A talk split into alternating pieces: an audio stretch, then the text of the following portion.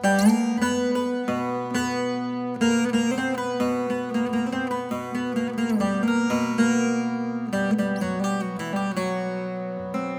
viatges de Carlos Carlos.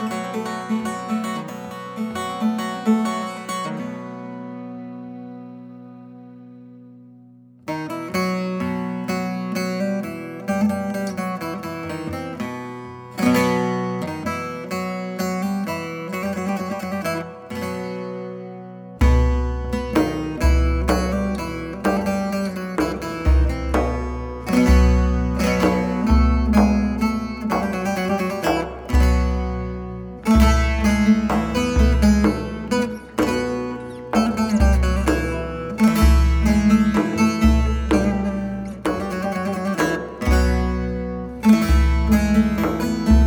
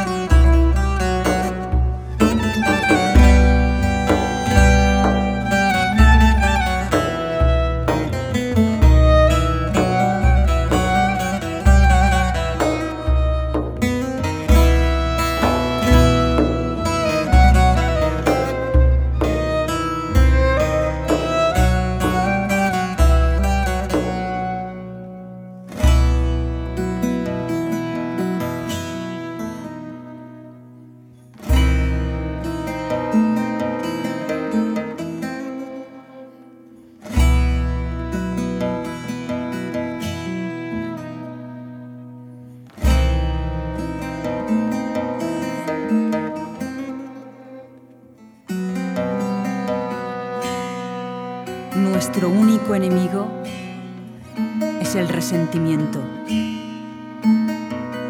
No guardemos rencor a nadie.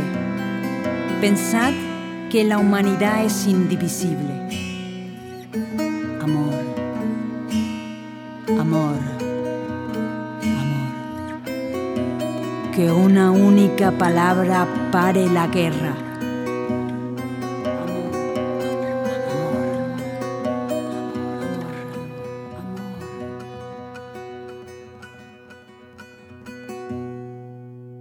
Benvinguts i benvingudes, Eva, Heidi i Jaume. Vosaltres sou Besaràbia, els viatges ja us coneixem, us hem escoltat diverses vegades amb música de la vostra primera maqueta i també us tinguérem en la primera crònica del Pobrina Folk d'este 2017.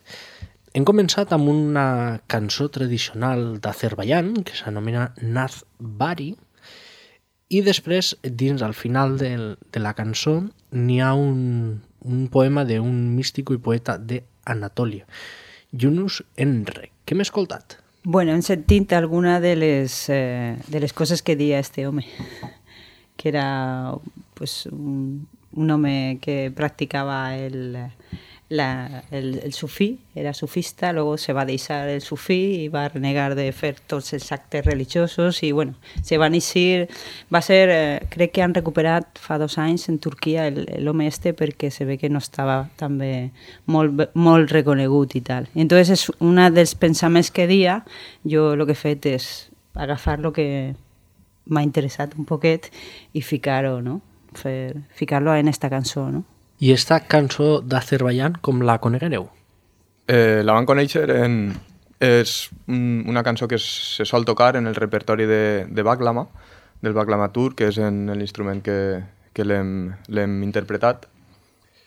I no res, pues, escoltant-les d'altres grups i era una cançó que respirava dins del que feia respirar un poc el, el repertori dins d'un concert i que ens agradava molt perquè era un moment més, calmant, no? més reflexiu, i la vam integrar i des del moment que la vam integrar sempre ha, ha funcionat i no la poden llevar de ninguna forma, perquè ja fa temps que la, que la fem.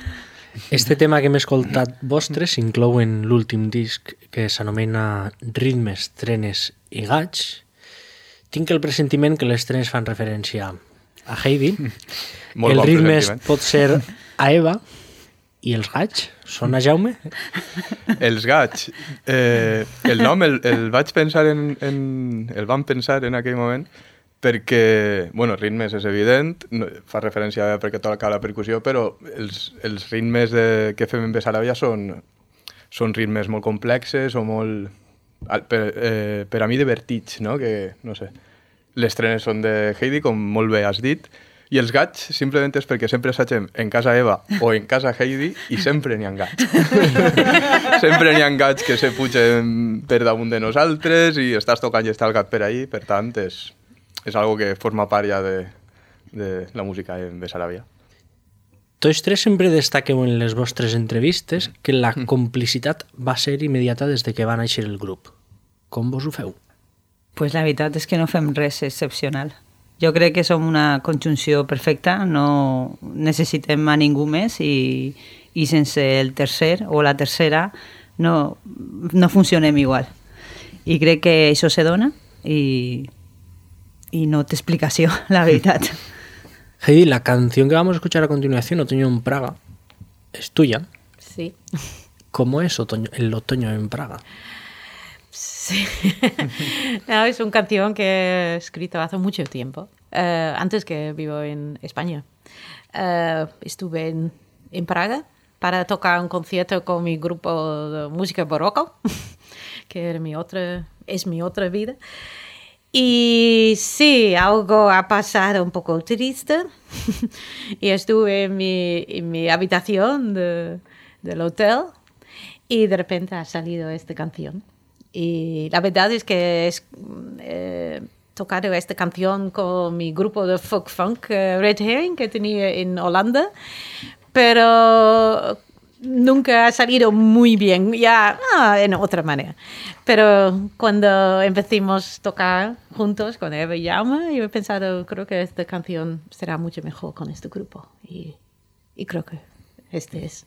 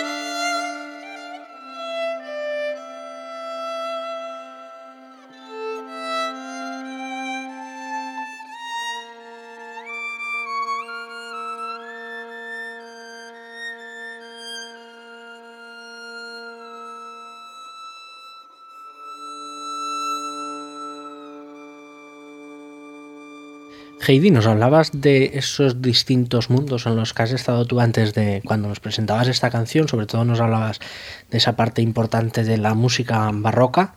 ¿Qué hay de música barroca en Besarabia? Uh.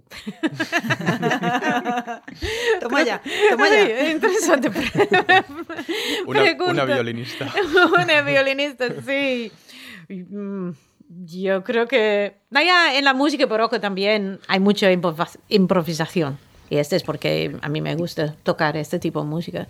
Quizás también mi estilo de tocar el violín es un poco diferente. Normalmente los violinistas modernos ponen vibrato, vibrato en toros y en, el en la música barroca no ponemos. Es más como, sí, como en el jazz, que solo usas cuando necesitas hacer algo más bonito. Y sí, no sé, ¿eh? Eh, es difícil, ya, dif- difícil decir precisamente. eh. Quizás alguien separado puede oír mejor que yo. Pero el, el violín que tú tocas con Besarabia y el violín barroco es diferente. sí, son diferentes. Sí, sí. ¿Alguna vez no has probado de incluirlo en...? No, una vez he, he tocado el violín electrónico con Besarabia.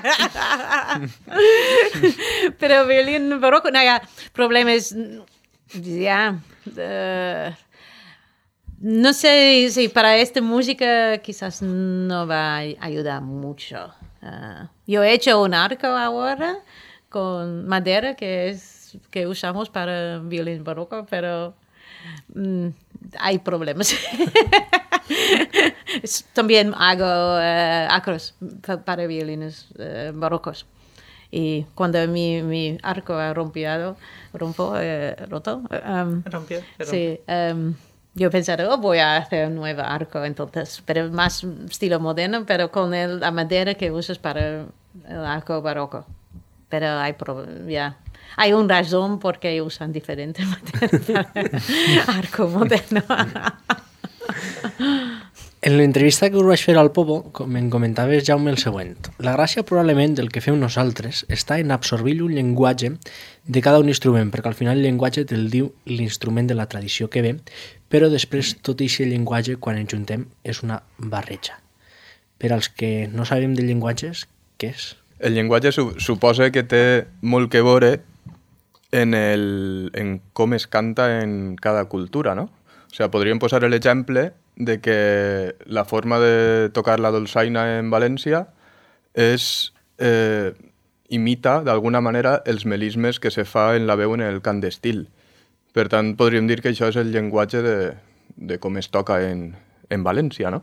I això passa en la resta de, de cultures. Pues en Turquia, probablement, el tipus d'ornamentació que se fa un instrument, el que està fent realment és imitar la forma de cantar, ja que la veu és el més arcaic que n'hi ha en cada cultura, i al final aquest tipus de llenguatge el que fa és imitar com, com s'ha cantat durant segles en ese, en esa cultura, en esa tradició. Crec que podria anar per ahí, no ho sé. El llenguatge, no sé. Com s'aprèn? Eh, anant a cursos de gent que, no sé, o sigui, anant a Turquia, anant a Creta, aprenent de, de la gent que sap, mestres.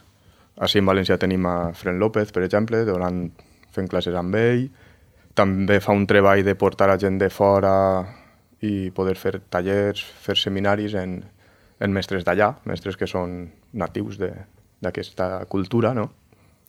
i porten el llenguatge integrat, cosa que nosaltres no, i necessitem un, no sé, som, Traductor, no? som guiris, no?, en ese, en ese sentit. I què passa en aquests cursos? Què passa en quin sentit? O en... Què, què, què ocorrís allí dins d'aquest curs? Pues són... La veritat és que a mi el que me va atrapar més d'esta música van ser els, els cursos, al principi. Clar, al principi no, no comences tocant en, en un grup, no, no saps, no tens capacitat, no?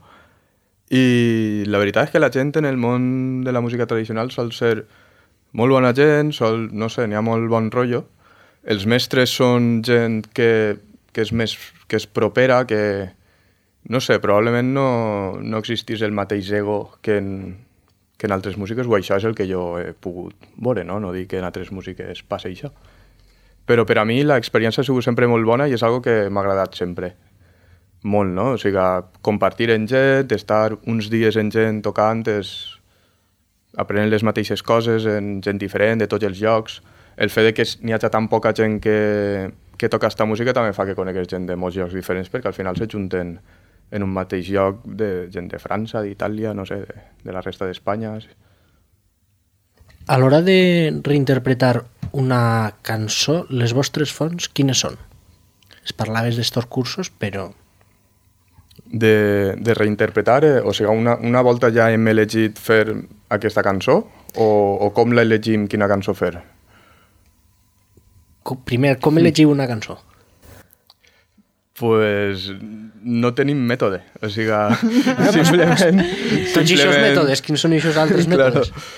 Simplement ens agrada una cançó d'algun grup que hem escoltat o alguna cançó tradicional que, que l'ha sentit diverses voltes i este tema ja me sona, ja el podríem integrar, no? I, I això és una cosa que entre els tres podem, aleatòriament, de repent sents una cançó en algun lloc i dius, aquesta cançó la podríem fer en Besaràbia. I sol funcionar així, no? Sí que alguna cançó pot vindre d'algun curs i tal, però no, no totes. Pues de, de Bulgària que ha sentit algun disc i t'ha agradat aquesta cançó i la vas integrant al, al repertori.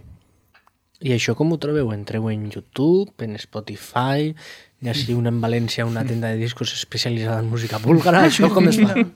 No, per internet, vull dir el que has dit tu. Spotify, que vull dir, tu, pues, eh, n'hi ha material també, de Bulgària, de Macedònia, mm. i tots aquests llocs, n'hi ha moltes, quasi totes són, són danses, i n'hi ha, pues, ha d'aprendre a ballar-les, eh, pues, ha d'aprendre a, to a tocar-les, però també pues, veure un munt de versions i de gent que està reelaborant aquesta mm. peça, entonces a ti te diu alguna cosa, esa cançó, o moltes vegades jo, per exemple, a vegades dic, hòstia, anem a fer un 11 per 8, no?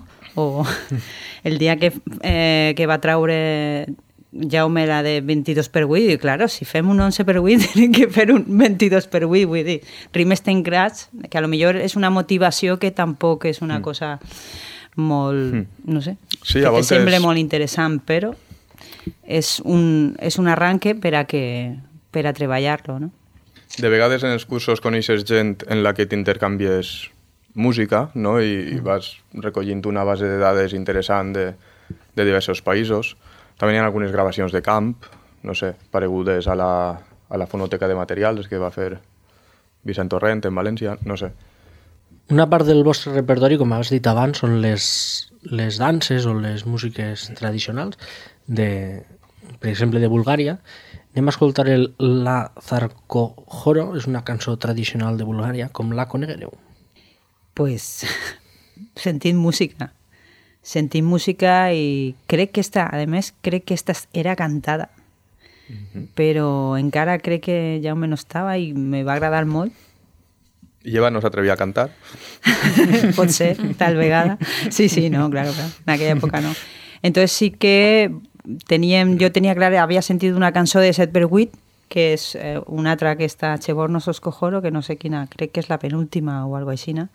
Entonces a mi m'encantava, me, me m'agradava moltíssim, però no sé, volíem fer una altra, una altra, peça, una altra peça més lenta i en el concert les fem, encara que en el disc estan separades, en el concert sempre les fem juntes, no? perquè són dos peces, són danses i, i bueno, me va encantar per, per sentir ell com cantaven i la melodia i la veritat és que en el disc m'ha sorprès m'ha sorprès perquè crec que ha, ha guanyat no? Mm. Suposo que les, les músiques més tranquil·les, més pausades, sentint-les, i esta, de més, està tal qual, que vull dir. N'hi ha el tres instruments... El solo que fas tu, n'hi ha un moment no. ahí que fa un solo? Sí. Això també estava en l'original? No, no, això, no, això l'he fet jo. Això, aquesta part l'has inventat, no? Sí, esa, de, sí, sí, és un poquet... Sí, és un poquet el nou per avui, el que, lo que m'han ensenyat pràcticament el meu mestre Diego López, no? El, es, eh, les encantava aquest tipus de ritme i estaven obsessionats en aquest ritme i al final, sí, sí, no? I són coses que he sentit i que, i que bueno, és com una, no sé, no, és un solo però és molt curtet i com que se'n va, no? I hem juntat una cosa que també pot ser un solo prou de música més turca, no? Solo el no preuet, i bueno, però veure d'una cançó búlgara a nosaltres no, no mos importa. Clar.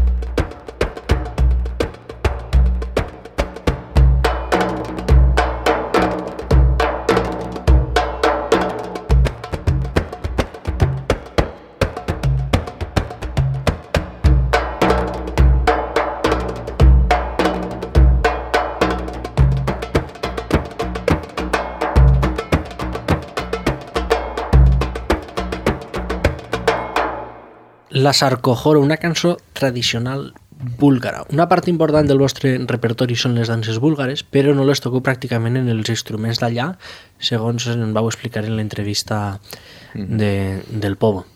Què és el que vos interessa d'una dansa búlgara per a després versionar-la?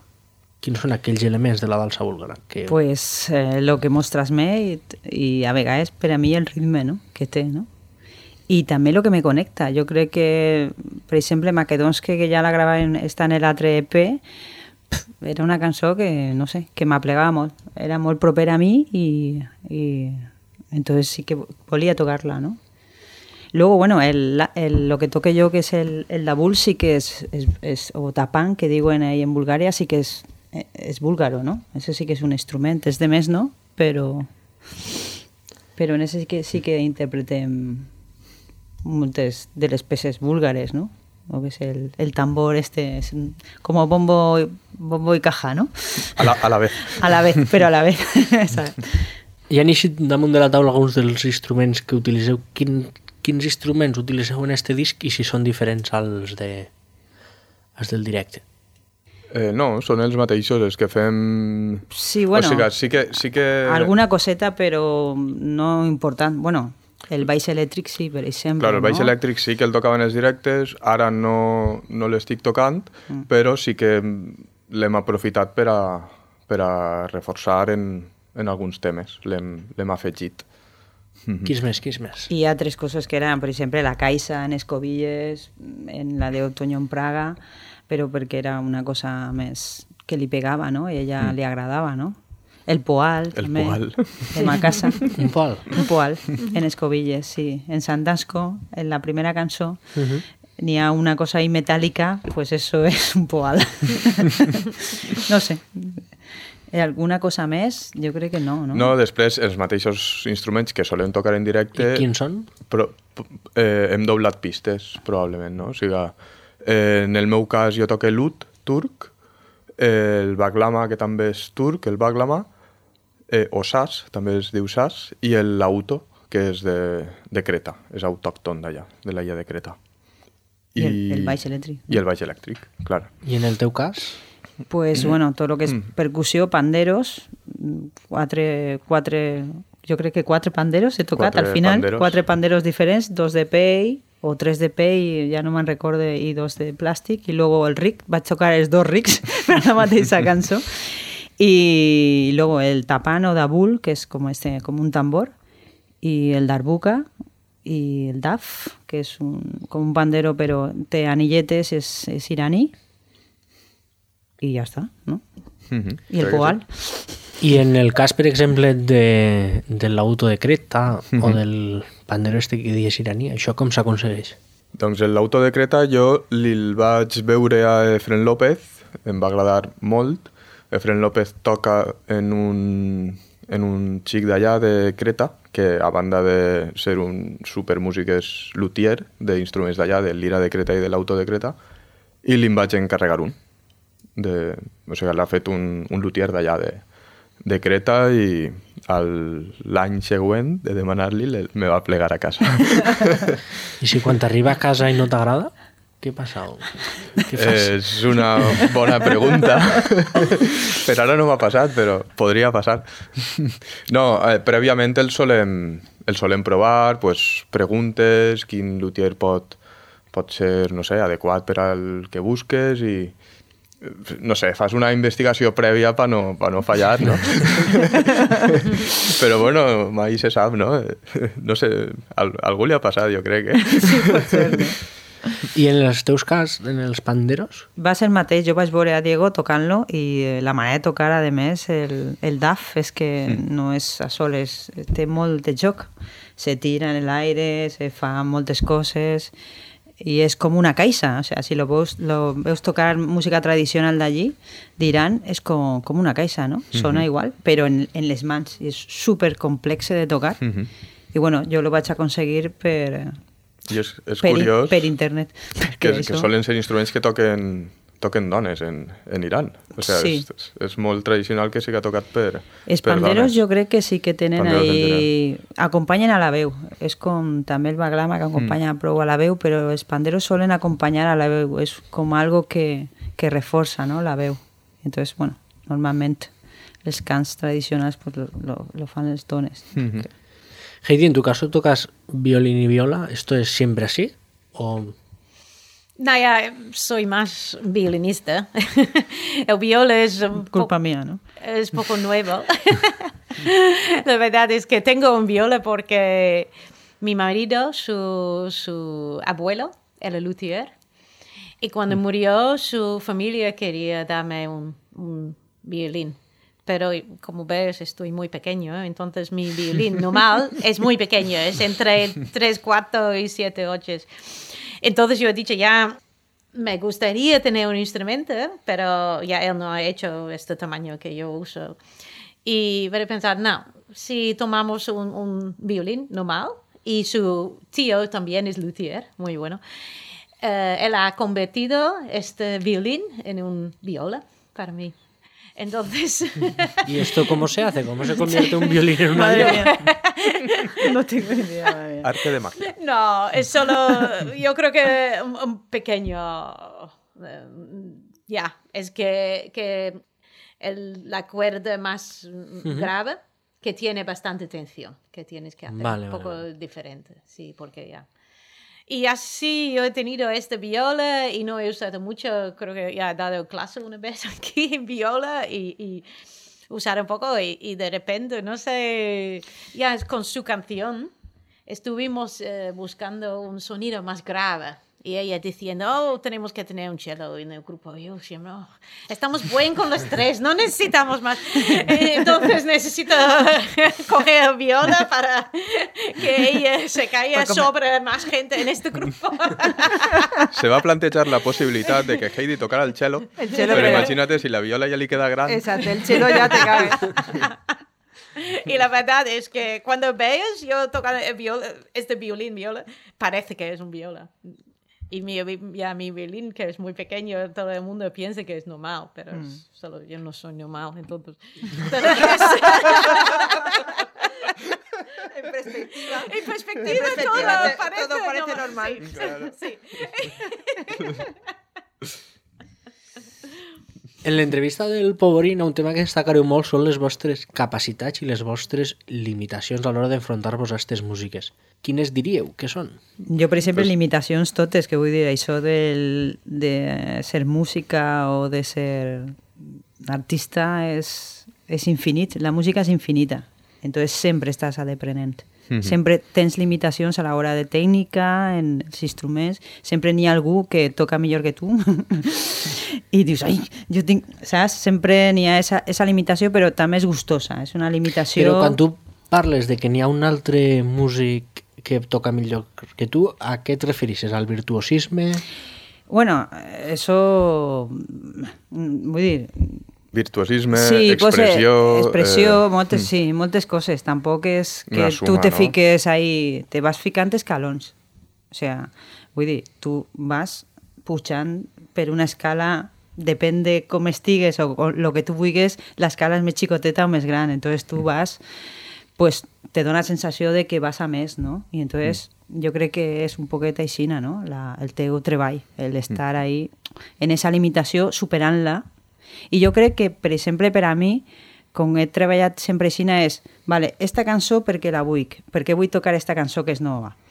Vale, perquè és perquè vull estudiar este ritme o vull que, saps, pujar un, un, un esglaó, no? És una, com un treball per a mi que després de tocar esa cançó, de treballar-la de tal i qual, ja, ja tinc una, un pas més, no? Per a mi és algo pràctic, té que ser pràctic, no? Sí, per, per a mi el tema de les limitacions és el que fa, saber les teves limitacions és el que fa que el que fas ho pugues fer bé, no? De- D'alguna manera, o sigui, a saber... Crec que, pues, èpoques en la meva vida no he sabut quines eren les meves limitacions, per, per tant això fa que no puga fer bé el que faig o que jo no siga capaç de saber què és el que puc fer bé i el que no. Per tant, on estan les limitacions, pues, vale, fins aquí és fins a on, fin, fins on puc aplegar, no? I, no sé, més o menys és un poc això, no? O sigui, saber fins on aplegue i el que, pues, si tècnicament toque prou menys, pues que per lo menos lo que, lo que, lo que isca, mm. que isca bé, ¿no? De alguna manera. Yo, yo con este grupo yo he subido dos limitaciones que tenía. este era que no pude tocar sin música. ya, yo soy típico música clásica que siempre tenía que tener las notas, uh, las partituras, a, a, las partituras. Y era muy bueno porque la pareja de, de, Eva ha dicho después de nuestros primeros conciertos, no puedes tocar con la música ahí. Para mí esto era muy bueno para aprender ya de memoria. Después de un par de traumas como niña, intentando memorar uh, en conciertos, que eso no sabía nada más, que después de esto nunca quería tocar sin, sin las notas más, sin la partitura. Y el otro era, ya, nunca pensé que puedo tocar en 11, 8, 9, 8, 26, 8, no sé qué tocamos, ahora 24. Um, y esto ya, con la primera canción búlgara que he traído a este grupo, Gankino Ora, esta era una canción que un pianista jazz klezmer en Amsterdam, un americano, me ha dado y dice, oh, tú tienes que tocar esta. Y yo he intentado y es un desastre. yo pensaba que nunca puedo tocar esto. Pero con estas chicos muy buenos que tocan tan buenos eh, ritmos, sí. Eso está muy bien, que en este grupo yo super, super, he superado un par de mis limitaciones antes. Vamos a ver cómo, cómo superáis esas limitaciones. Vamos a escuchar la, la canción Bukoviner Break Legs.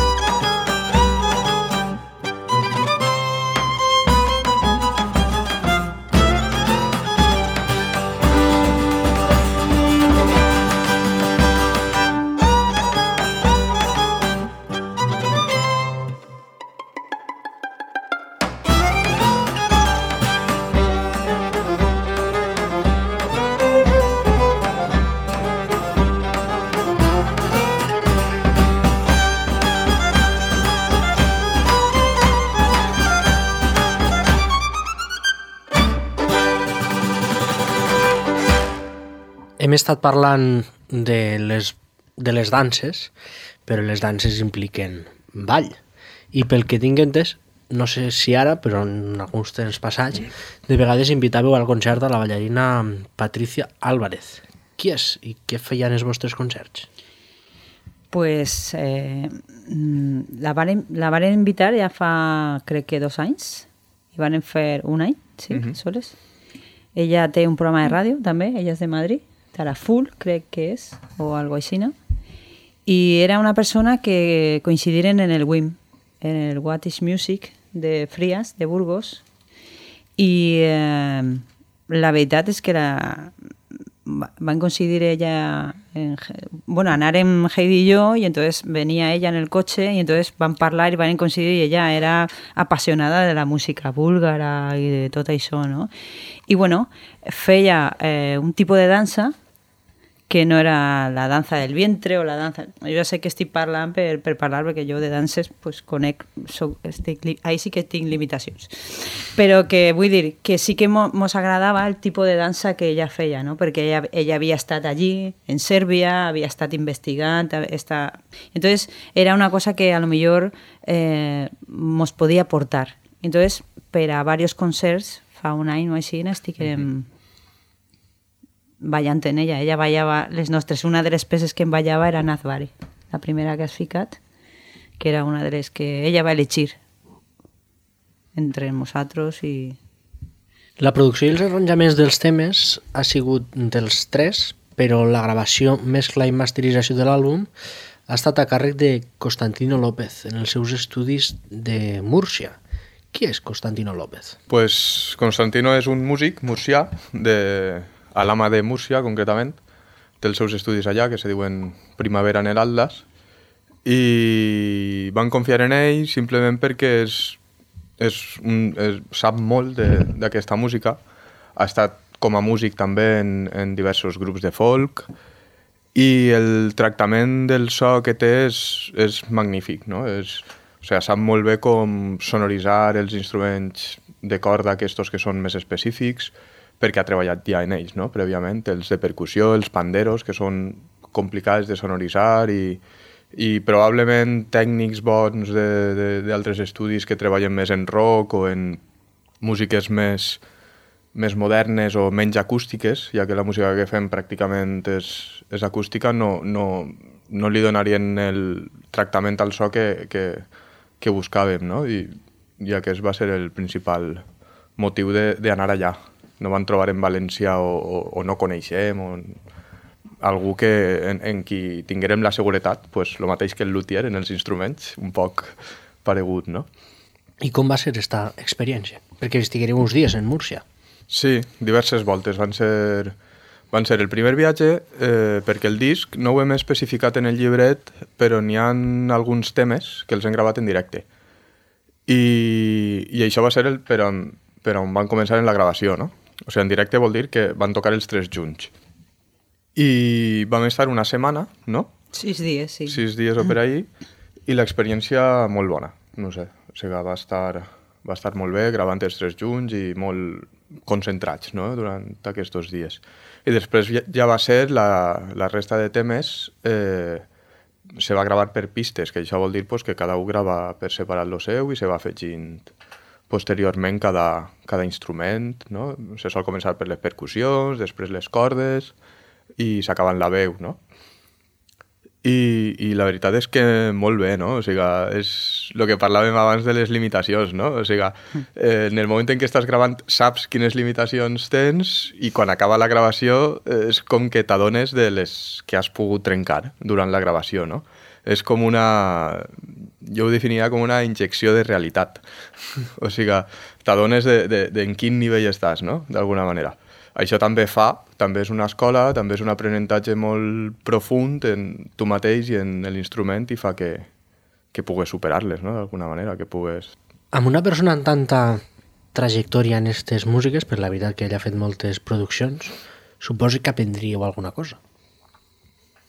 I tant que sí. Sí, eh, a nivell de... Mm, ah, no se m'ocorrit, què vull dir?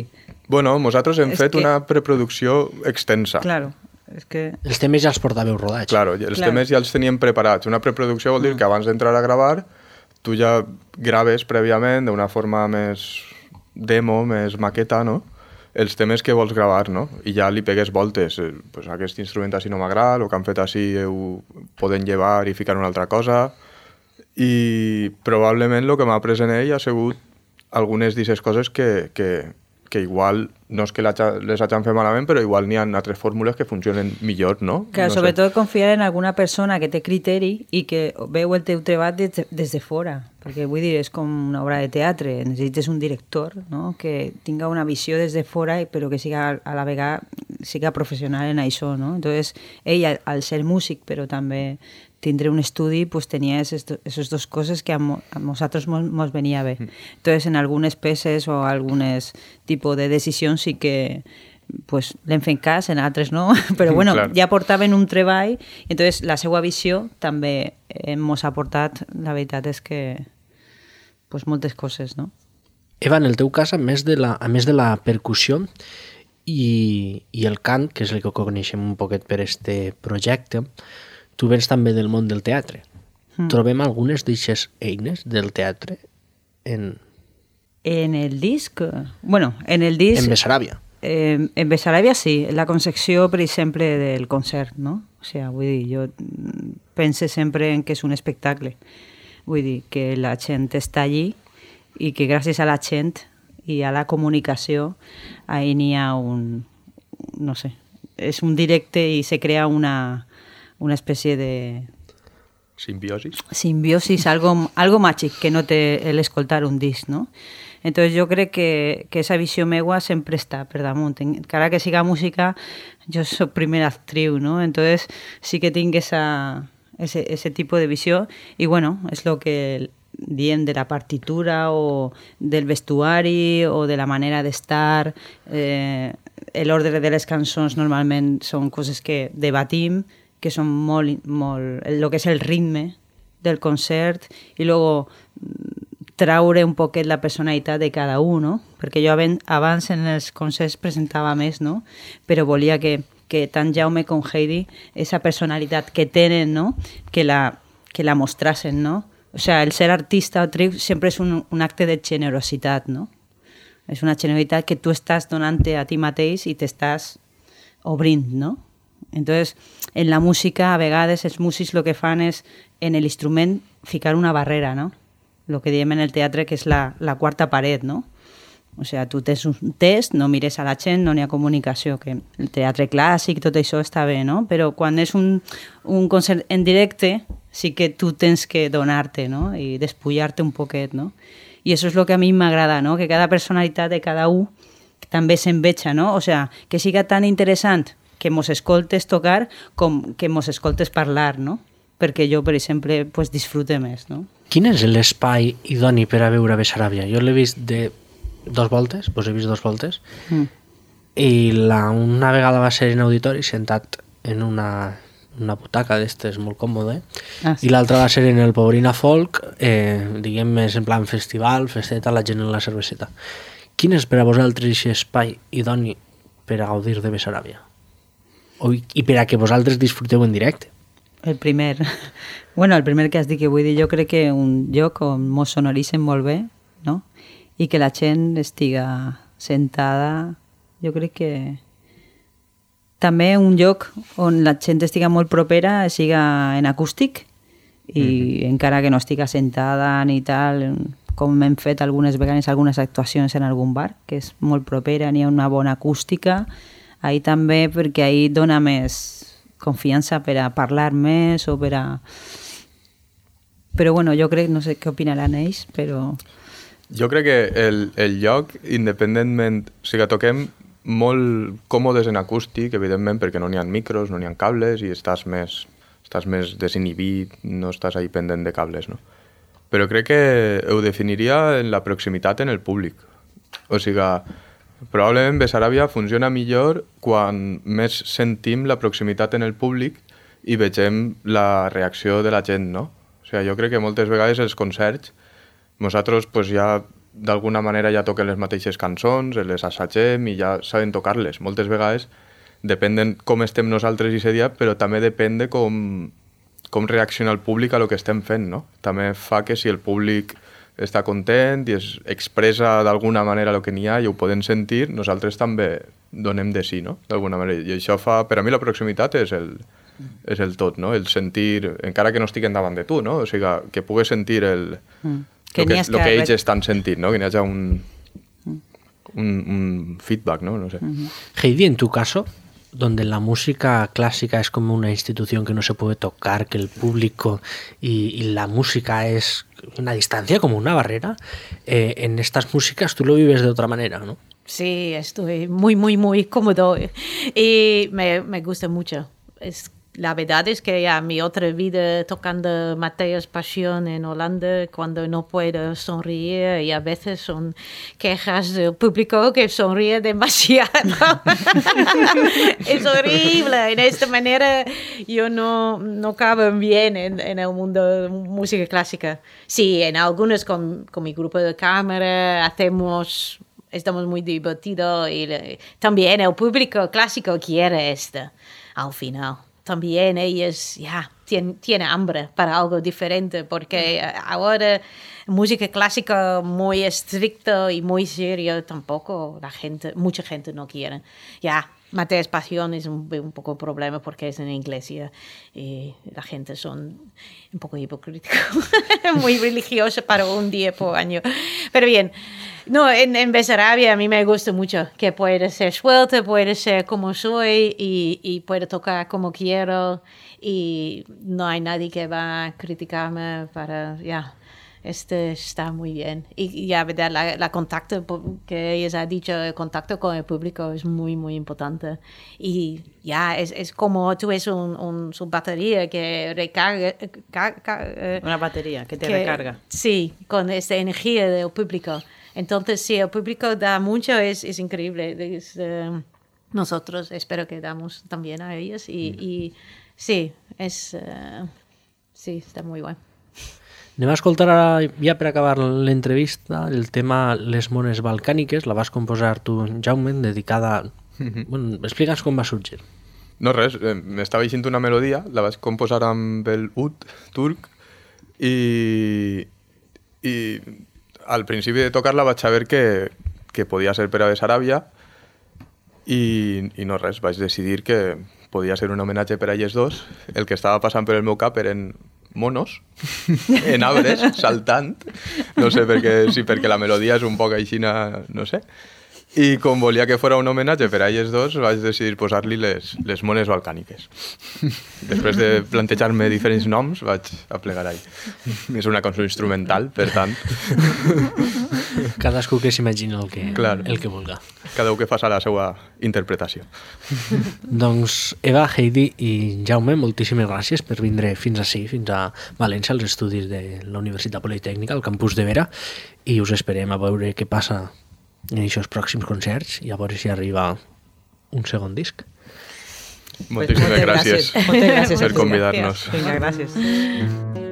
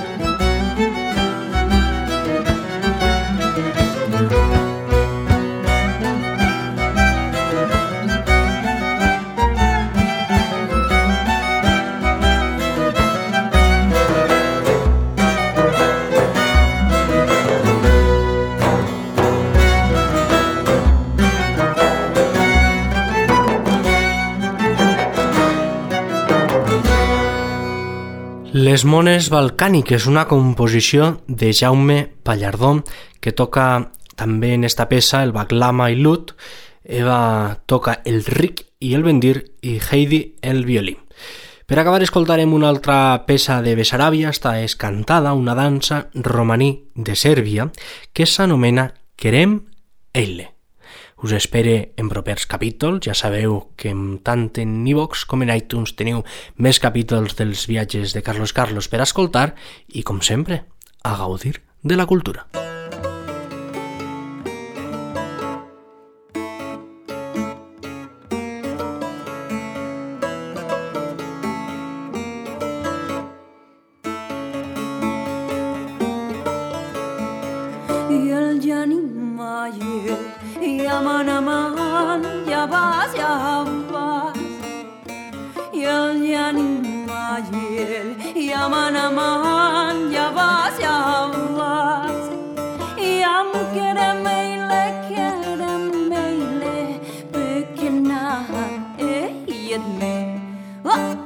hinsikma jani hinsikma ah hinsitme yam keremeyle keremeyle pekinat e ehiyetme janin sikma janin sikma ah hinsikme